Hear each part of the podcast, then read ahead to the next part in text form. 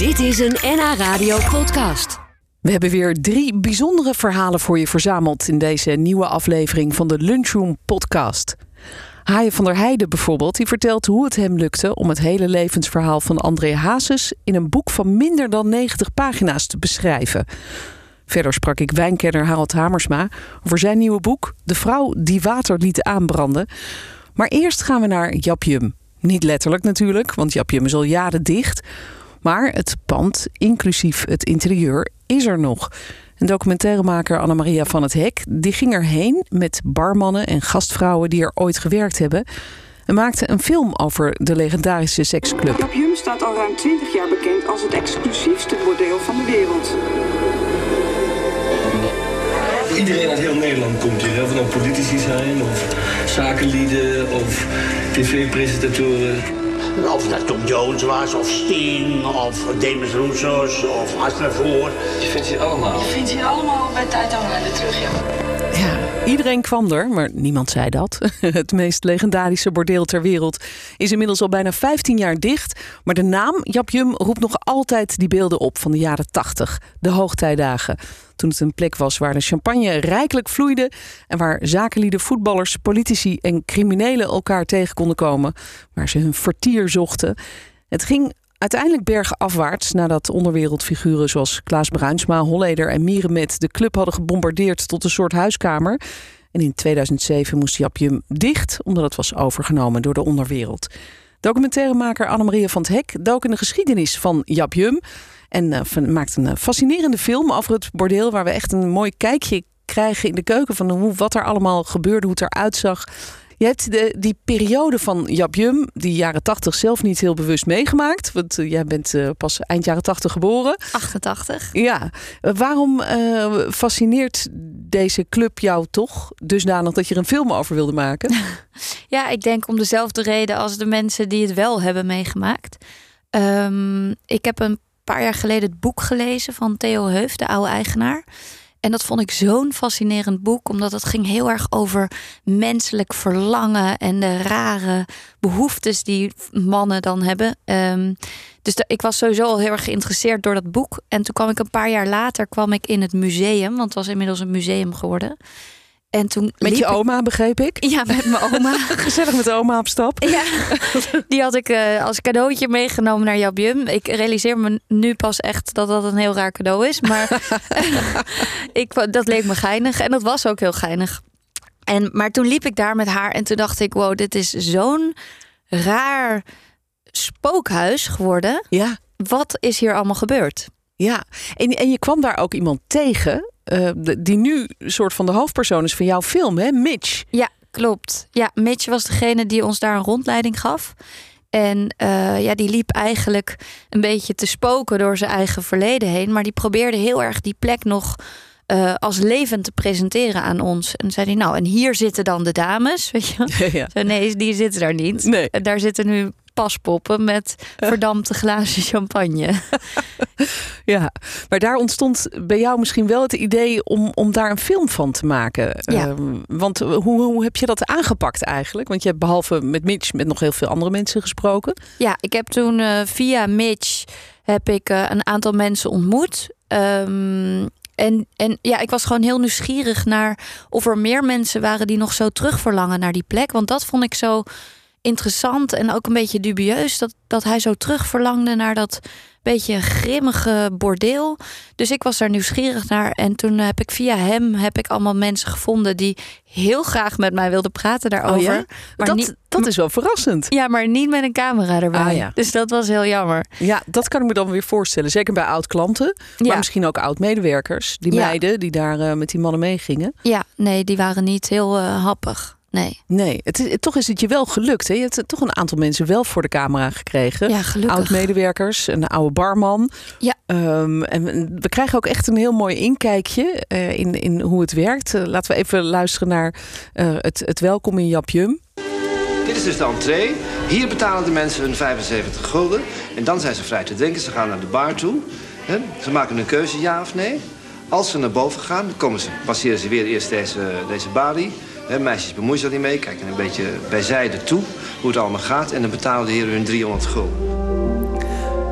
Ja, we zien echt hoe het eh, er toen uitzag eigenlijk. Je hebt ook allemaal oude beelden en je, je spreekt dus die oud-medewerkers. Eh, hoe, hoe kijken die terug op die tijd? Want ja, die Mitch die heeft dus bijna een soort heimwee Ja. eigenlijk. Maar dat zien we ook in de film. Dat hebben ze allemaal. Ja, En dat vond ik zo bizar, omdat ze ook, dat komt ook in de film naar voren, wat ze daar allemaal hebben meegemaakt aan, aan rare schietpartijen en ellende. En, en toch verlangen ze allemaal terug naar die tijd. Maar ik kwam erachter dat dat vooral een verlangen is naar jong zijn en een verlangen naar ja, ja. avonturen beleven, bakken met geld verdienen, eh, ineens beslissen om naar Saint-Tropez te gaan met een klant. Of eh, ja, elke avond was een nieuw avontuur.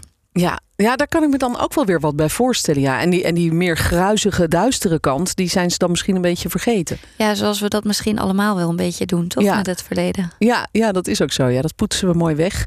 Ehm, het zijn in de film zie ik vooral oud-medewerkers waar je mee hebt gesproken. Ook trouwens eh, de dames die eh, de heren moesten vermaken. Ehm, De gastvrouwen. De gastvrouwen, zoals dat eh, heel netjes heet. Ja. Maar heb je ook oud-klanten gevonden die, die bereid waren om hun verhaal te doen? Ja, en ik heb één klant ook geïnterviewd en uiteindelijk niet in de film verwerkt, omdat ik het toch zonde vond om het, om het bordeel van buitenaf te gaan bekijken. En de klanten kwamen er natuurlijk van buitenaf. En ik wilde juist de, de machine laten zien. Ja. Ja. Hoe het daaraan toeging daarbinnen achter de gesloten deuren, waar denk ik heel veel mensen nooit geweest zijn. Nee, Ik of zeggen niet. dat ze er nooit Of zeggen, ja. ja, want nou, dat is misschien wel interessant. Ik weet niet of je het in de, je film daar ook over hebt. Inderdaad, een beetje dat dubbele. Hè. Aan de ene kant was het natuurlijk toch een, een hoedentent. Ja. En, eh, waar, waar mensen dan niet van wilden vertellen dat ze daar wel eens eh, klant waren. Nee. Aan de andere kant had het ook wel iets. eh, het werd altijd wel genoemd als eh, nou, een mooie plek en een legendarisch bordeel. En, Een gentleman's club. Een gentleman's club. En Ja. dus, dus woorden als uitbuiting van vrouwen bijvoorbeeld hoorden daar natuurlijk helemaal niet bij. Nee, en dat is ook wel een plek geweest waar, dat, waar, waar ze dat in ieder geval met man en macht hebben geprobeerd te voorkomen. Mhm. Theo zegt dat hij zeker weten doe je het nooit. Maar hij heeft daar wel heel goed pro- voor proberen te waken. Ja. Ehm, want het is natuurlijk een industrie waar, waar ook heel veel narigheid in gebeurt. Ja, zeker ja.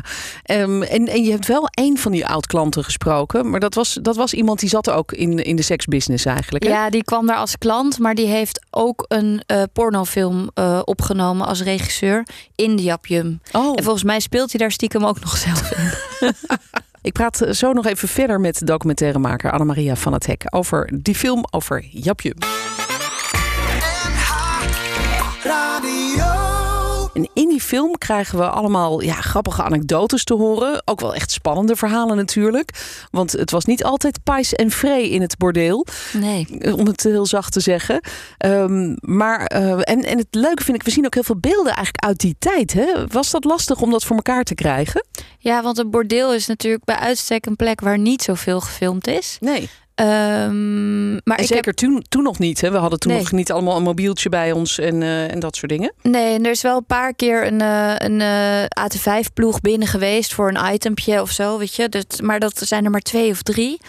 Ehm, dus dat was best lastig en daarom heb ik heel veel dingen zelf gedraaid. Of, eh, want ik wilde wel dat de kijker de hele film in de sfeer van Jap Jum zou zijn. Ja, dat is ook goed gelukt. We komen binnen aan het begin van de film en we, we blijven echt een beetje in, in dat Japjum sfeertje. Ja. Ja, en dan horen we ook allemaal grappige anekdotes. Zoals het verhaal van eh, een oude barman die vertelt dat eh, als dan de Arabieren kwamen, dan eh, gingen de meiden allemaal een Arabisch liedje zingen. En dan, Ja. dan kwam het geld vanzelf. Laten we even daar naar luisteren. Als er nou Arabieren binnenkwamen, dan kon de receptionist, die zag natuurlijk als ze vandaan kwamen, soms uit het huis Ibn Saud. Dat, waren leden van de koninklijke familie. Ja, dat zijn er honderden van, maar goed.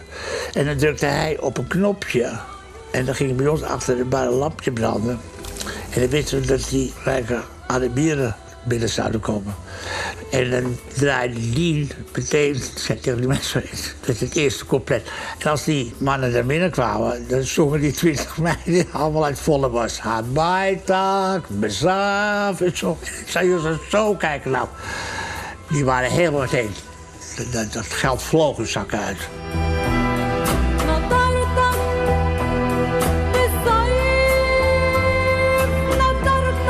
Ja, ja, zo deden ze dat bij Japjum. Het geld vloog de zakken uit. En ik begreep dat die barman later ook nog werd uitgenodigd door een stel Arabieren om uh, mee te gaan naar een paleis in uh, Abu Dhabi. Ja, dat was de, de andere, oh, dat was een barman. andere barman. Ja, maar oh, die zit ook in de film inderdaad. Ja, het zijn bijzondere verhalen. Uh, uh, we krijgen ook heel goed een beeld eigenlijk van hoe dat in de praktijk dan werkte. Ook met die dames, die, die, die gastvrouwen, die dan vooral champagne natuurlijk moesten bestellen. Ja. Dat, dat ging natuurlijk En over. drinken. Ja, en, en drinken. Ja. Uh, we kunnen nog even een klein stukje daarvan laten horen.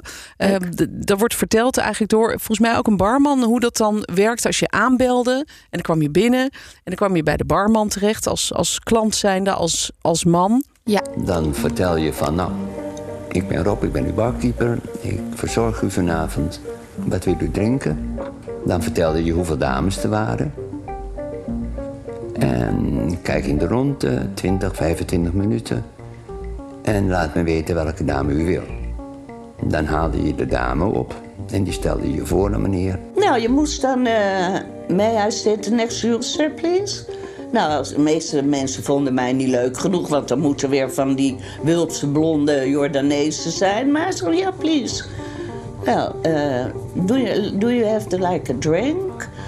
Maar we mochten alleen maar champagne drinken. Ja, tuurlijk. Want de klant betaalde. Dat kostte natuurlijk heel veel geld. Ja. Uh, zo ging dat. Uh, deze vrouw vertelt uh, vervolgens ook nog hoe dat dan was als ze meeging naar de kamer. Dan zorgde Mhm. zij wel dat ze die man een beetje verwende en een beetje zijn schoenen uitdeed. Ja. want dan, he, als zij hem aanraakte en een beetje hielp, dan, dan zat hij niet aan haar. Ja. En dan, dat uh, tekent toch wel uh, hoe, hoe dubbel dat was misschien voor sommige vrouwen. Dat is het natuurlijk ook. Dat is het ook. Um, ik denk dat er heel veel vrouwen die in dat vak zitten in staat zijn om iets uit te zetten. Uh, zoals ik het begrepen heb. Maar het is natuurlijk voor iedere vrouw anders. Waar de een dat heel goed kan, kan de ander dat niet zo goed. Nee, ja, weet je, hebt ook een vrouw gesproken die gewoon zegt: Ik vond het allemaal hartstikke leuk. Ik vond Ja. het allemaal leuk. Allemaal uh, avontuur en uh, Ja. toptijd. Ja. Ja. en die heeft ook tegen mij gezegd: zet nu tien man op een rijntje en ik zou ze allemaal doen. Ik vind het heerlijk. ja. Ja. Ja. Is, jouw, is jouw beeld uh, van, uh, over vrouwen in de prostitutie veranderd door het maken van deze film? Ja, zeker. Ik was uh, best bevooroordeeld. Ik denk ook door het beeld wat in de media wordt geschetst. Wat niet onterecht is overigens, want het is ook een industrie waar erg veel meisjes in werken die daar niet vrijwillig in zitten. Maar ik dacht dat alle meisjes er onvrijwillig in zaten. Um, beetje naïef misschien. Maar door Ja. het praten met vrouwen kom je erachter dat het niet zo zwart-wit is. Nee, en voor sommigen was het gewoon echt één groot feest. En anderen hadden er toch wel meer moeite mee. Dat zit Ja. allemaal in je film. Uh, uiteindelijk is het misgegaan met Japjum, omdat de onderwereld de club langzamerhand overnam. En er is eigenlijk altijd wat schimmig over gedaan. Hè? Hoe dat nou gegaan is met die overname, Mhm. zeg ik eventjes met aanhalingstekens hè, van de, de oorspronkelijke eigenaar. Ja, Want ja, er werd toch eigenlijk wel gezegd, hij werd gewoon afgeperst. Hij totaal. moest het, Ja. ja. ja. He- Heb je dat een beetje boven tafel gekregen? Of, of willen mensen daar absoluut niks over zeggen? Nou, uh, deels. Ik heb, uh, ik heb ervoor gekozen om niet alles boven tafel te brengen. Um, mocht je heel erg geïnteresseerd zijn in hoe dat uh, pre precies is gegaan, dan kan je dat allemaal vinden op internet. Maar ik heb ervoor gekozen om in de film heel erg één zaak uit te lichten. En dat is de moord op de portier, Bertje. Uh, omdat dat heel erg gelinkt zit aan de uh, afpersing. Ja, want die portier die, die heeft eigenlijk altijd gezegd dat hij wist dat hij op een bepaald moment ja, gek, vermoord zou worden. Op dat een bepaalde dag zelfs. Hij wist het. Ja. ja. Ja, ja en dat, uh, dat wordt in de film verteld hoe dat kan. Hoe het kan dat hij wist op welke datum die vermoord zou worden. En wat dat dus te maken heeft met de afpersing. Je hoorde Anna-Maria van het Hek en haar documentaire over Japjum is nog te zien op de site van 2Doc of op NPO Uitzending Gemist. Kleine jongen, je bent op deze wereld, dus zal je moeten vechten, André Hazes. Hij zou dit jaar 70 geworden zijn. Ik sprak over hem met acteur en schrijver Haaien van der Heijden. Die schreef een boek over het levensverhaal van Hazes in nog geen 90 pagina's. Dat boek heet Hazes vanuit de hemel. Vertelt alles over de hoogte- en dieptepunten van zijn leven, maar dan dus in anderhalf uur leestijd. Dus de bedoeling dat het, dat het de lengte en de entertainmentwaarde van een speelfilm heeft. Zodat je misschien ook gewoon een boek in één keer leest. Zoals je een film ook in één keer kijkt. Ja, dat kan absoluut met dit boek. Ehm, eh, dit boek gaat dus over André Hazes, zijn leven. Welkom trouwens, je. Leuk dat je er bent. Uh, waarom wilde je de biografie van Hazes schrijven in zo'n kort bestek? In zo'n... Nou, uh, weer het eerlijke antwoord. Het eerlijke antwoord is dat ik een jaar of negen geleden gevraagd werd door Joop van den Ende om, om een musical te schrijven over André Hazes. En daar was ik mee bezig. Daar was ik aan het, uh, uh, aan het researchen. En Joop van den Ende heeft, um, heeft, heeft managers. Hè? Dat heeft elk bedrijf, hebben managers. Ja, en, jullie, wij hier jullie ook, hebben hier vast ook managers. Ja, en, zeker. En managers zijn vaak mensen die niks weten, maar wel de baas spelen. En ik kan niet zo goed met managers. Dus ik kreeg, eh, ik, ik kan met Jo van den uitstekend vinden. Maar met zijn managers niet. En toen ben ik weggelopen. Maar ik had de hele research al achter de rug. En dat heeft daar Oh. jaren gelegen. En opeens dacht ik, god, daar kan ik, eh, toen de uitgeverij begon, daar kan ik wel iets mee doen. En iedereen denkt dat het nu heel opportunistisch is. Ik nu opeens met een boekje over André Hazes uitkom, omdat hij nu opeens in het brandpunt van de belangstelling staat. Maar het is puur toeval, je zal me wel niet geloven, maar het is Ja. echt ja, want er is nu ook natuurlijk die docu-serie hè, op tv, eh Ja, het Kleine is echt Jongen. puur toeval. Ja, oh, dat, dat had er gewoon stond er Nee, helemaal ja. los van. Ja, nee, ik vroeg Ja. me dat inderdaad ook af. Van, is, Ja. er, is er iets wat wij niet weten, misschien waardoor dat nu allemaal tegelijk komt? Maar dat is Nee, want toeval. dat, dat zijn natuurlijk dingen die, Ja. je, die je vrij lang van tevoren al, al- allemaal bedenkt. En dan opeens zei iemand van, god, het, het is allemaal hazes, hazes opeens. Nou, Ja. Dus hebben we het wel ietsje naar voren gehaald. Dat moet ik eerlijk bekennen. Ja. Ietsje naar voren. Oké, maar goed, het, het, het boek ligt er en eh, jij bent het gaan schrijven. Wat, wat trof jou in hem als, als mens? Want jij kende hem ook, toch? Nou, Beetje. niet heel erg goed. Ik, eh, nou ja, dat hebben we het echt over eh, de vorige eeuw. Ruim de vorige eeuw. Helemaal in het begin van de tv-show. Ivonie eh, presenteerde de tv-show. Ik trad daarin op met mijn, eh, eh, met mijn vrienden. Ja, zongen we dan Close Harmony als de groep Purper. En daar zat André Hazes ook in. En dan moet je vaak wachten een tijdje met elkaar voor de opnames. Dus zit je een beetje in een kamertje. Ja. En ik zei tegen hem, meneer Hazes, zei ik geloof ik, hij is een jaar of ik ben 64, hij is zo 70, zes jaar ouder. Ik zei, meneer Hazes, ik zou zo graag eens een keer een, een echte mooie Amsterdamse smartlab schrijven. En toen keek hij mij zo gekwetst aan, echt intens. En toen zei hij, ja, maar dat is juist wat ik niet wil doen. Oh. En dat heb ik pas later begrepen. eh, eh, omdat hij, hij, wou niet met een accordeonnetje in een Amsterdams café. Hij wou blues zingen. De, de, de, de- Ah, ja. Uit zijn ziel en uit zijn tenen. En dat heeft hij uiteindelijk. Is hij dat ook gaan doen, gedeeltelijk. Hij, hij, hij is succes geworden met iets wat je er tussenin zou kunnen beschouwen. Tussen blues en Ja. eh, Amsterdamse smartlapperig in. Ja, maar wat bijzonder. Ja, want jij dacht natuurlijk van nou, Smartlab, Hazes, Ja. dat is een, een En, logische eh, combi. Maar dat, dat viel en dan dus zie je dat dat eigenlijk heel erg pijn doet. En maar eh, het feit dat- dus dat hij niet eh, pissig reageerde, maar, maar gekwetst. Gekwetst, ja. Dat is ook iets wat heel erg terugkomt in, het, in het boek. Het was een, een man die gekwetst raakte, die onzeker was, die eh, Ja. ja. eigenlijk eh, eh, ja, heel, heel gevoelig was. Eh, dat heb je allemaal beschreven in een biografie van, ik zei het net al, nog geen 90 bladzijden. Het zijn er geloof ik 83 geworden. 84? het Oh, zou dat weet je niet. Oké, nou. Maar hoe, hoe heb je dat gedaan? Want zijn leven is natuurlijk, heeft heel veel hoogtepunten, maar ook dieptepunten gehad. eh, waar heel veel mensen natuurlijk al wel eens wat over gehoord hebben, of gelezen hebben, of gezien hebben.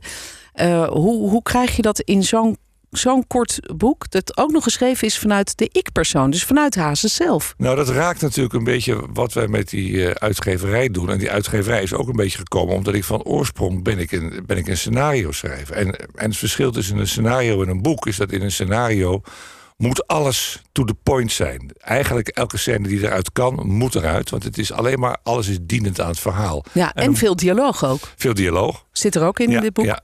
En een boek kan nog wel eens alle kanten uitzwaaien. En wij willen juist iets wat dramaturgisch heel strak is. Dat is ook wel daaruit voortgekomen. Maar dat, eh, waardoor je dat. eh, zoals een film ook. Een film is altijd based on on a true story. Omdat ze nooit precies het echte verhaal kunnen vertellen. Want je moet het een beetje in elkaar drukken. Je moet het Ja, een beetje ja. eh, En- eh, kaal en- maken. En dat is in dit geval ook, want op zich alle gebeurtenissen die erin beschreven staan, vanuit uh, André Hazes zelf. Hè, want je schrijft, het heet ook André Hazes uit de hemel. Eh, het, het is eigenlijk zijn eh, kijk op zijn leven. Eh, na zijn overlijden kijkt hij terug. Ja. Ehm, en de gebeurtenissen die kloppen. Alleen, ja, eh, je bent er natuurlijk niet bij geweest toen hij ruzie maakte met Rachel. Nee, eh, of met zijn manager. eh, eh, terwijl je dat nu wel heel letterlijk opschrijft. Ja, daar heb je helemaal gelijk in. Dus daar, daar heb ik gespeculeerd. Ik heb, ik heb zijn gevoelens en zijn gedachten ingevuld. Ehm, ja, daar kan ik het mis in hebben. Ik heb uh, naderhand ook nog eens een paar keer langer met hem zitten praten. Dus ik denk wel dat ik hem aanvoel. Uh, zeg maar de, de een beetje gevoelige macho. maar ja, als er iemand is die zijn gedachten van A tot Z kent en zegt, nou, volgens mij dacht hij niet zo, wat volgens mij ook niemand kan. Want ja, wie weet dat nou? Ja, wie weet dat nou? Ja. Maar het kan best zijn dat, dat als, je het, het leest, dus nou... Zo ging ik, dat niet. Ik herkende hem soms wel, maar in gedachten. En soms denk ik ook niet dat hij die gedacht, maar dat weet ik niet. nee. Ik niet. Je begint uh, bij het begin. Nou ja, het boek begint eigenlijk met, met dat hij net is overleden. Uh, uh, daar begint het bij. Maar dan ga je terugkijken op dat leven. En dan lezen we bijvoorbeeld dat de negenjarige Hazes zo rond 1960 een liedje opneemt met Johnny Krijkamp ja, samen. Oh, leuk. Nou, even een klein stukje horen. Nee.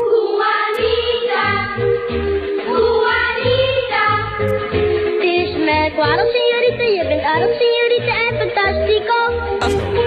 Juanita. Juanita. Eigenaardig, signorita. Je bent vader, signorita. En poëtico. Ik hou niet van meesters op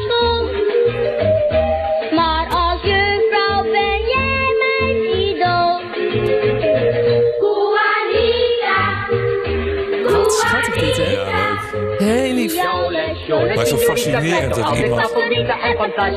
Sorry, sorry. Ja, ja, nee, het is, het is klaar, ja. En dat, uh, toen was hij negen. Maar fascinerend. Nou ja, dat iemand, iemand heeft gewoon een waanzinnige strot. En Ja. dat- die heeft hij gewoon. Ja. En dat bepaalt zijn hele leven. En dat is, is ontzettend. Dat is, dat is, dat is, is natuurlijk fascinerend. Een, een, een klein jongetje uit de Gerard Douwstraat. Die, die gewoon een enorme strot heeft. En daar zijn hele leven op baseert. Dat Ja, vind ik eh, interessant. Het, het is een bijzonder verhaal en dat blijft het. We praten er zo over verder. En dan horen we ja, hoe het jou gelukt is om echt in zijn huid te kruipen. Hoe heb je dat gedaan? Hoe ben je in zijn huid gekropen? Hoorde je echt zijn stem? Want zo leest het wel een beetje namelijk. Ja, dat is wel een, moeilijke vraag. Althans, het, an- nee, de vraag is niet moeilijk. Het antwoord erop geven is vrij lastig. Want eh, hoe, hoe doe je zoiets? Ja, je leeft je in en je, je, ik laat hem gewoon praten. En het is misschien wel een beetje alsof dat, alsof dat vanzelf gaat. Hij, Ja. hij, hij praat gewoon. Ja. Ik, had natuurlijk, ik had natuurlijk heel veel research gedaan. Dus ik wist wel heel veel. En ik kende hem een klein beetje. En ik dacht, ja, zo, zo hoor ik hem dat. Ik heb wel niet zijn, eh, ik heb niet zijn lollige kant gepakt, maar zijn, eh, maar zijn gevoelige kant. Had ook Ja. wel een hele lollige eh, eh, kant. Maar dat vond ik, ja, ik denk dat, dat geloof ik wel. Ja. Maar gewoon zijn. eh, ja, wat ik, wat ik, ik zag ook die film over Queen, weet je wel. Dat, dat, daar moest ik ook vreselijk aan denken. Dat, is, dat zijn mensen die, die, die wij adoreren omdat het onze sterren zijn. Maar het zijn. Ze hebben niet altijd zo'n ongelooflijk fijn leven. Omdat het zo vaak gebaseerd is op, op een enorme onzekerheid. En een hunkering naar aandacht en, Ja. en acceptatie. En een moeilijke jeugd ook in het geval van, eh, ja. van Dus André Zeker. En, dus eh, dat vind ik fascinerend. En je, Ja. je moet je voorstellen dat zo iemand op het hoogtepunt van zijn roem dan. Dan, eh, weet je wat, dan wordt hij eh, in een auto rondgereden, oké, door een chauffeur, oké, in een dure Mercedes, oké. maar hij wordt vier keer op een avond ergens in een tent geflikkerd. Van, Zorg maar dat je die ja, mensen... je moet ze vermaken. Eh, ja, en dat is, natuurlijk, dat is natuurlijk ontzettend zwaar op de duur. Je ja, en zeker als je zo onzeker bent Ja. als hij was. Want hij had eigenlijk heel veel behoefte aan een soort erkenning en, en, en applaus. Eh, is er iets in hem wat jij zelf ook herkent vanuit jouw eigen... Jij, jij bent natuurlijk ook, jij, jij Ja, bent ik, natuurlijk ook een heel erg, theater, want ik heb, cabaretier, ik heb op het zang. toneel gestaan. Op een Ja. gegeven moment dacht ik van nou, ik denk als ik dit eh, op deze manier blijf doen, dan krijg ik een hartaanval voor mijn vijftigste. Want ik was ook niet. Later wel, ik ben later nog wel in, in, in- op, eh, op een hele bescheiden wijze gedaan. Toen vond ik het eigenlijk heel erg leuk, maar toen ik jong was, vond ik het veel te eng. Ik, Ja. vond, ik was veel te veel bezig met wat iedereen dacht. En als, je, als je dan op het toneel staat en je ziet iemand iets uit de tas pakken. En denk ik, oh, die vindt het niet leuk. En dan ga je daar zitten denken dat iemand het niet leuk vindt. Nou, dan ben je meteen je tekst kwijt. Dus dat, dat, dat moet allemaal niet. Nee. Dus ik, ik, zit, ik, zit, ik ben als, als schrijver, als regisseur ben ik beter af. Dat is, Ja, eh, ja, ja. Maar, dus ik herkende dat wel, die eh, onzekerheid. Ja, en je zei net al even dat hij eh, ook nog eens eigenlijk voor zijn gevoel misschien in een, in een, in een verkeerde eh, muziek eh, zat. Omdat hij eigenlijk heel graag blueszanger had willen worden. Ja, iedereen wil En- natuurlijk eigenlijk het allerliefste dat je bent wie je bent. En dat iedereen jou als zodanig accepteert en op die manier van je houdt. En Ja. dat, een artiest krijgt dat natuurlijk best, eh, best vaak niet. Want die wordt gedwongen iets te doen wat men wil. En hij heeft toen eh, op een gegeven moment echt een echt een hoogtepunt van zijn roem een echte bluesplaat gemaakt. En die verkocht dan ook niet. Dat Nee, was oh. ontzettend kwetsend. Ja, want ik kan een klein stukje laten horen uit eh, een, eh, een, eh, een- van die plaat. Met Jan Akkerman en Herman Brood. Ja, die, we gaan ja. ze lekker improviseren.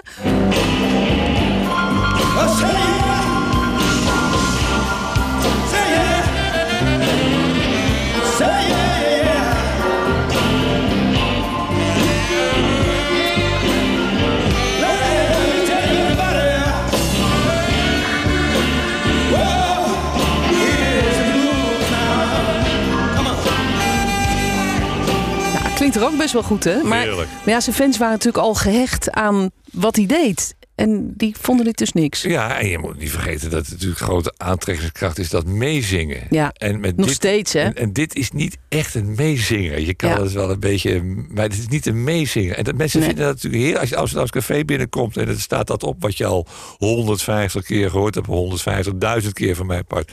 En je komt in die sfeer, ja, dat, dat, dat, dat, dat doet iets met mensen. Dat, ja, eh, ja, zeker. Wat is denk je zijn grote tragiek? Is dat vooral dit? Dat hij eigenlijk blueszanger wilde zijn, maar als volkszanger werd omarmd en op het podium werd gehezen? Ja, ik denk dat dat, dat wel het belangrijkste is. Dat hij, eh, dat hij het, eh, het is heel erg logisch dat je eerst, eerst wil je succes, je wil geaccepteerd worden, dat je iemand bent. En dan ben je dat. En dan denk je, nu wil ik mijn eigen stem laten horen. Hij is op een gegeven moment ook naar Amerika gegaan. Beschrijf ik ook dat hij, eh, dat, dat hij naar Miles Davis keek. En, en, eh, eh, die elke tien jaar weer veranderde. En het publiek dan zei, wat ga je nou doen? En op een gegeven moment gingen ze toch weer met hem mee. En dat wou hij natuurlijk ook, maar dat, eh, dat gebeurde niet. Nee. Nou, je hebt een, eh, een mooi boek geschreven. Het is eh, knap hoe je dat in anderhalf uur lezen voor elkaar krijgt. We kruipen echt even in de huid van André Hazes. En eh, nou, het, het, het boek is dus uit. Hè? Dat, dat kunnen we bestellen via jouw uitgeverij. Ja. En via Amazon. Uitgeverij Vogelvrij, ja. Vogelvrij heet hij. Eh, dank dat je er was, Haaien.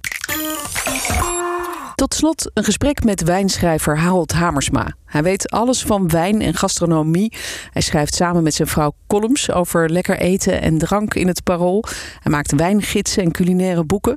En zijn nieuwe boek heet De vrouw die water liet aanbranden. Er staan verhalen in over de reizen die hij maakte, op zoek naar lekker eten. Maar ook over zijn jeugd in de Amsterdamse pijp. Met een moeder die nog geen ei kon koken. Eh, jij zegt die kon nog geen ei koken. Ze weet niet eens wat een ei is. Laten we het zo stellen. Dus eh, ja, dat was. Kijk, we hebben het natuurlijk mild gedramatiseerd. Ze had er, dat heeft ze ook echt gezegd. Ja, ik had er gewoon geen schik in. En eh, het hoogtepunt van, laat ik zeggen, de, de week was de zaterdagse broodmaaltijd. Want dan hoefde zij niet achter het fornuis. Dus de eerste regel van het eerste hoofdstuk van dit boek is ook... wel beschouwd begon de hongerwinter bij ons nadat de oorlog was afgelopen. Dubbele punt. Mijn moeder ging achter het fornuis. Nou, dat is een beetje met een knipoog gedaan, maar... Ja, Ja, maar even voor mijn begrip, jouw moeder leeft nog en ze speelt een heel belangrijke rol in je boek. Je bent helemaal dol op haar. Wat vindt zij ervan dat je daar zo over schrijft, over haar kookkunst? Of Ze heeft het nog dat- niet gelezen, Oh. maar haar reactie die kan ik je nu al uittekenen. Want dat zei ze ook over Onder de Rook van de Heineken... waar zij ook een eh, flinke rol in speelt. Ja, je vorige boek was dat. Ja. Schitterend. Ja, zij zal het schitterend vinden. Oh ja? En eh, ja, ik, ik, kijk, ik wilde het niet een boek laten worden. Ik had het driedubbel dik kunnen maken nog. Maar ik wilde in dit boek, in ieder geval, het was. Ja, ik keek er natuurlijk van op dat ik denk, jeetje, dit is al 35 jaar dat ik dus over de hele wereld reis om te eten en te drinken. Eh, maar ik wilde er dus niet zo'n boek van maken dat je van de kreeft naar de caviar naar de champagne struikelt. Als ik weer terug ben, dan ben ik de maaltijdmantelzorger van mijn moeder. Dus na de kreeft, caviar en champagne ga ik met haar een rolmops proberen naar binnen te schuiven. Ja, ja want ze eet niet veel, hè? in de woonkamer staat. Ja. Dus Ja, ehm, ja. dat is wa- wat ik ben gaan doen. Ja, als je even terugkijkt naar die jeugd, want je schrijft daar eh, heel bloemrijk over. eh, dat je moeder dus echt niet kon koken. Eh, Je vader wel, die nam dat op zich. Maar wat maakte die dan bijvoorbeeld? Nou ja, we hebben ontzettend geboft. We zijn van de, van de hongerdood eh, gered. Omdat mijn vader op vrij jonge leeftijd eh, werd afgekeurd voor actieve dienst. Hij, kon, eh, hij was versleten door eh, te zwaar werk. En die had dan wel de aardigheid erin om, eh, om te gaan koken. Dus toen konden we nog net ons vastklampen aan wat calorieën. En hij maakte dan, eh, dat zat ook in het boek, eh, een kerststol voor de eerste keer. En die had, had hij de gist een beetje verkeerd ingeschat. Dus dat was een kerststol die de, op eigen kracht het deurtje van de oven openduwde. Eh, En, en ja, viskoekjes, dat is zijn signature fish, zoals we dat altijd noemden. Dus hij deed ontzettend zijn best. En ehm, eh, kijk, ik ging vrij snel het huis uit. Niet omdat ik dan echt eh, dat ik ongevoed was. Maar ik trof natuurlijk eh, mevrouw Hamersma met een gelijknamige kookboekwinkel. En die had ontzettend veel schik in. Ja, die vond, die ging ook naar. die deed een opleiding Engels huishoudkunde. Oh, dat ja. kon toen nog. En zij ging koken en kreeg kookles. En in een pand waar overigens nu eh rotisserie Rijssel in zit. Dus Oh ja. dat- de Oh. DNA, ja, dat is toch wel weer grappig. Ja, zeker ja. Dus wij, wij zijn etend en drinkend eh, hebben wij natuurlijk toch... We waren natuurlijk kinderen eigenlijk nog. We gingen toen we 19 waren samenwonen. Maar we gingen altijd ja, Ja. eten en drinken. En daar spaarden we ook een beetje voor. Ja, en ik begrijp dat zij een beetje dezelfde achtergrond had. Bij haar thuis werd ook niet echt uitbundig gekookt of van lekkere wijn genoten. Nee, dat was natuurlijk ook. Dat was natuurlijk woensdag was dan een gehaktdag, geloof ik. En vrijdag kwam er een visje. En zondag was een nasi. En er, was er, een, er werd een patenten, een patente appeltaart gebakken. Dus ehm, die ze overigens nog steeds bakt. Dus dat is wel grappig. Ze doet daar dan een beetje custard in. Dat is dan eh, het geheim van de chef in dit geval. Dus dat was ook niet zo bij haar. Maar inmiddels eh, is ons leven dermate ingericht dat we hebben natuurlijk de kookboekwinkel en er komen koks vanuit Nederland, maar ook vanuit de hele wereld. En de kookboekenschrijvers, ook vanuit de hele wereld. Die komen hier vanuit Schiphol eigenlijk meteen naartoe. En eh, het is ons leven en onze, onze lust en ons leven geworden. Dus we- Ja. Wonderlijk eigenlijk, als je dan kijkt naar hoe het eh, begon bij jullie in jullie jeugd. Had je dat misschien Nou, niet kunnen verwachten? Nee, dat is nou net. Ik heb natuurlijk dat boek geschreven. Ik wilde eigenlijk een ander boek schrijven, maar dan moest ik wat. eh, dit stond op, hij lag op het richeltje. Ik denk, ik wil deze gaan schrijven, want het, het levert mooie verhalen op. Ik wilde eigenlijk een ander boek schrijven over de jaren 80 in Amsterdam, waar ik wat deep throats eh, voor nodig had. En dan moest ik onder andere voor naar het eh, buitenland reizen. Maar ja. I rest my case. Ja. Dat mocht even niet. Coronacrisis, ja. Dan eh, ga ik eh, deze schrijven. Ja. En toen heb ik wel eens, ik denk, jeetje, mineetje, zeg wij zijn letterlijk met de kinderen ook, jong, zo jong als ze waren, naar Sydney gevlogen of naar San Sebastian of naar New York om ja, te eten. En, en, en we, we- daar gaven we gaven ons geld niet uit aan dure auto's. Eh, Daar hadden we dan ook niet meer over. Want we gingen in hele bijzondere restaurants eten. En Ja. niet om chic te doen, maar gewoon uit pure nieuwsgierigheid. En je schreef daar artikelen over. En dat, dat werd dus ook eigenlijk jouw vak. Eh, en, Dat werd mijn vak, ja. dus dat, dat is Ja. natuurlijk ook heel erg, eh, heel erg mooi. Maar je bent ook schrijver. En dat, dat merk je ook in dit- boek weer, maar ook je vorige boek. Daar eh, heb je toen ook over verteld hier bij ons in de uitzending. Onder Ja. de rook van Heineken. Dat gaat echt alleen over jouw jeugd. Hè? Dit boek gaat Ja. ook over je reizen.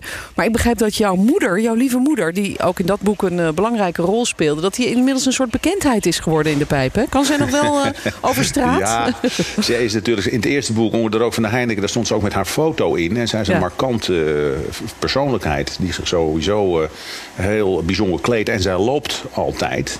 Hè, lopen en fietsen en ze wordt nooit moe. Dat is haar stokpaardje. En ze noemt zichzelf ook de wandelende jood, hè, zoals ze dat noemt. Of ik ben loops. Dat vindt ze dan ook wel heel fijn om te zeggen. En zij dost zich uit in gewaden, paarse gewaden, roze gewaden. Ze vindt overal schoenen die ze aantrekt. En zij loopt alleen maar, voornamelijk omdat ze ook niet weet hoe ze moet inchecken bij de tram. Maar wij liggen op haar route. Dus dan komt ze één Gelukkig. keer, twee keer in de week. Dan, komt ze, dan kunnen we er een beetje proberen bij te voeren, letterlijk. Ja, ja, ja, want ze eet eh, niet uit zichzelf heel veel. Niet- hè? Nee, nee, nee. dus- En dan krijg ik ook de dooddoeners van. en- Want weet je wat het is, haar? Oude mensen eten niet zoveel. En Hmm. ik weet, alles kan ik uittekenen. Heb je al ontbeten? Ja, twee beschuitjes met honing. Ik heb daar nog nooit een potje honing thuis aangetroffen. Dus Jeetje. nou, gelukkig heeft ze jou in de buurt, Harold. Dat, eh, dat scheelt. je bent. eh, er een beetje bij. Ja. En dat is een, het, maakt het een, een leuke wisseling tussen, tussen nou, luxe waar eh, in Sydney... tot Ja. aan een rolmops en een viskoekje tijdens een afrekening... in het criminele milieu in de Beethovenstraat. Ja. Dan eet ik dat samen met haar op de stoep van de visman. Oh ja, was dat eh, tijdens een eh, liquidatie? Nou, er was toen iemand eh, die zat aan de koffie, koffie verkeerd. en die, was er geloof ik een vergismoord of iets dergelijks. En die, die is daar in een restaurant toen doodgeschoten. En ja, dan is ze toch een beetje ramptoerist. Dan, is ze dan in, dan gaat ze daar toch kijken. En eh, ik, ik was onderweg naar haar toe. eh, met, omdat wij, wij eh, herdachten de, de sterfdag van mijn vader. En eh, op zijn begrafenis werden viskoekjes eh, eh, eh, gepresenteerd. Ja. Eh, dus die haalde ik bij de vishandel daar. En eh, omdat zij die in ieder geval niet kan maken. En ja, daar zat zij. eh, eh, en, en, en ik ben naar die viskoekjes gaan halen. En toen zei ze, hoe wist je dat ik hier was? Nou ja, dat wist ik natuurlijk ook helemaal niet. Dat was puur toeval. Ja. Dus ja, daar, daar zat ze naar te kijken. En dat is ook weer een verhaal geworden Ja, wat, wat daarin zit. Ja, mooi. Een boek vol met verhalen over je lieve moedertje, over je jeugd, maar ook over al die bijzondere reizen die jij hebt gemaakt. Je culinaire reizen, daar gaan we zo dadelijk over verder praten. Dan eh we wat voor een avonturen Harold Hamersma allemaal heeft meegemaakt, die hij nu beschreven heeft in zijn boek De vrouw die water liet aanbranden, avonturen van een wijn- en eetschrijver.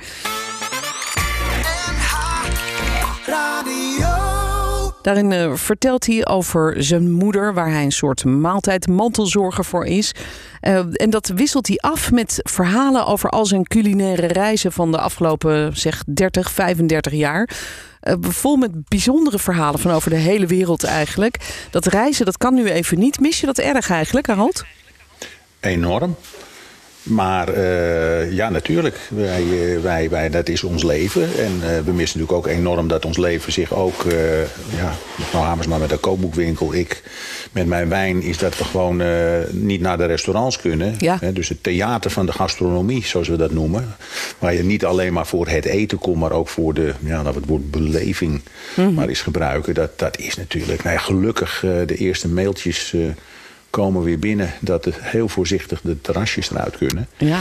En eh, nou, dan staan we in de rij hoor. ja, Dus tuurlijk. Dat, wij snap ik missen dat helemaal. enorm. Ja, nou, dat is, het is jullie zeker. leven eigenlijk. En het mooie is ook als je het eh, boek leest, dan, dan zie je dat heel veel van, van jou, van jullie herinneringen vervlochten zijn ook met wat je over de hele wereld gegeten en gedronken hebt. Hè, en waar dat dan was. Eh, wat, is, wat is voor jou de mooiste spijs-wijn-herinnering die je hebt gehad? De combinatie van de twee? Nou, ehm, ehm, wat kijk, de allermooiste wijn-spijsherinnering was eh, toen onze zoon Bob geboren werd. En mijn broer binnenkwam die een- zijn, zijn, eerste, zijn neefje kreeg. Want hij had een, hij is de eerste neef, want er was er maar eentje. Dat was hij. En hij had een fles eh, Magnum, een dubbele fles eh, Dom Perignon. Dat is een hele exclusieve champagne meegenomen. En daar hadden we beschuit met muisjes bij. En dat was een droomcombinatie die totaal niet bij elkaar paste. Maar dat was emotioneel zeer raak. Die vergeten we ook nooit meer. Nee, dat kan me voorstellen, ja. Maar echt gastronomisch is dat wij op een zeker moment met de kinderen en de schoonkinderen, want dat zijn ook liefhebbers, eh, naar San Sebastian en Bilbao zijn afgereisd om in een korte periode van drie, vier dagen twee keer drie sterren te lunchen. Zo. En daar, ja, ja, dat is gewoon, ja, dat is niet om chic te doen. Hè. Dus we landen ook niet in de helikopter, maar gewoon met een, met een chartervluchtje bij wijze van spreken. Maar daar gaan we naartoe, eh, naar, naar bijvoorbeeld eh eh, eh, eh, Azurmendi en, Sanse, en, en, en Martin Berezatiki.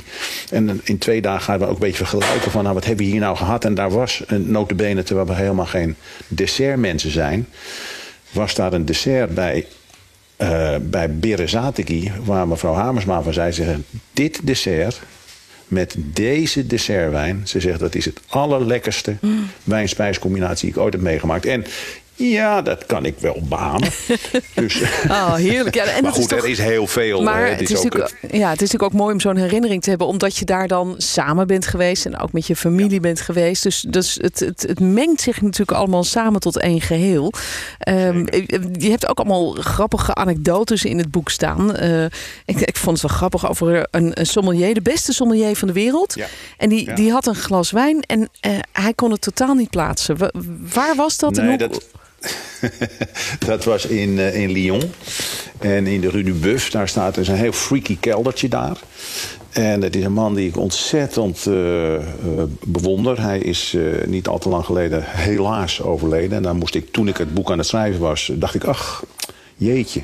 Nou, dat is de beste sommelier ter wereld. Dat is een, een wijnkelner, maar ook een wijnschrijver. En die kun je eigenlijk zijn kwaliteiten kun je vergelijken met... als we het over voetbalmetaforen hebben... dat was een combinatie van Messi, Ronaldo, Van Basten en Cruijff in één. Die, was, Wauw. man was een legende. Ja.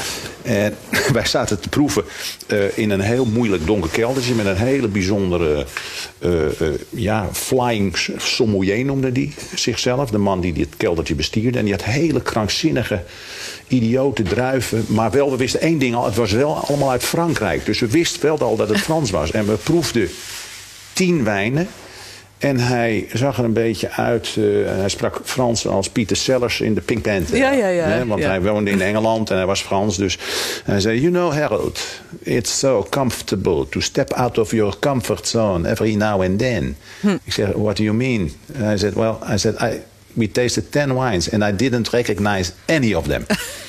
Dus we hebben tien wijnen geproefd en hij had geen idee. Nee, en dat is natuurlijk Ja. het mooie van wijn drinken en proeven. Dat het is constant weer een avontuur waarin je je grenzen kunt verleggen. En het levert natuurlijk altijd mooie verhalen op. En dat Zeker. geldt ook voor de koks die je ontmoet. En de slagers en, en, Ja. en de vismannen. Maar goed, dat is, eh, ja, het, Ja. Is een, het is natuurlijk, wij, wij wonen in een grote speeltuin. Ja, zo is het ook. Verhalen genoeg en je hebt ze heel mooi opgeschreven. Dat is jou wel toevertrouwd in je nieuwe boek. Ehm, de vrouw die water liet aanbranden. Avonturen van een wijn- en eetschrijver. Dank je wel dat je even bij ons was in de uitzending Harold. En eh, ja, dat weet je. tot een eh, volgende keer. Er komt vast nog Tot een het boek. volgende boek. Ja, oké. Zeker. goed. Of wat anders, als de vijf in de klok zit of zo. Kijk maar even. Ook een goed idee. Gaan we doen. Oké, dag Oké, Harold. Dankjewel hè. En dat was het. Bedankt voor het luisteren. En volgende week dan ben ik er weer met nieuwe verhalen uit de lunchroom. Dit was een NH Radio podcast. Voor meer, ga naar nhradio.nl. Radio.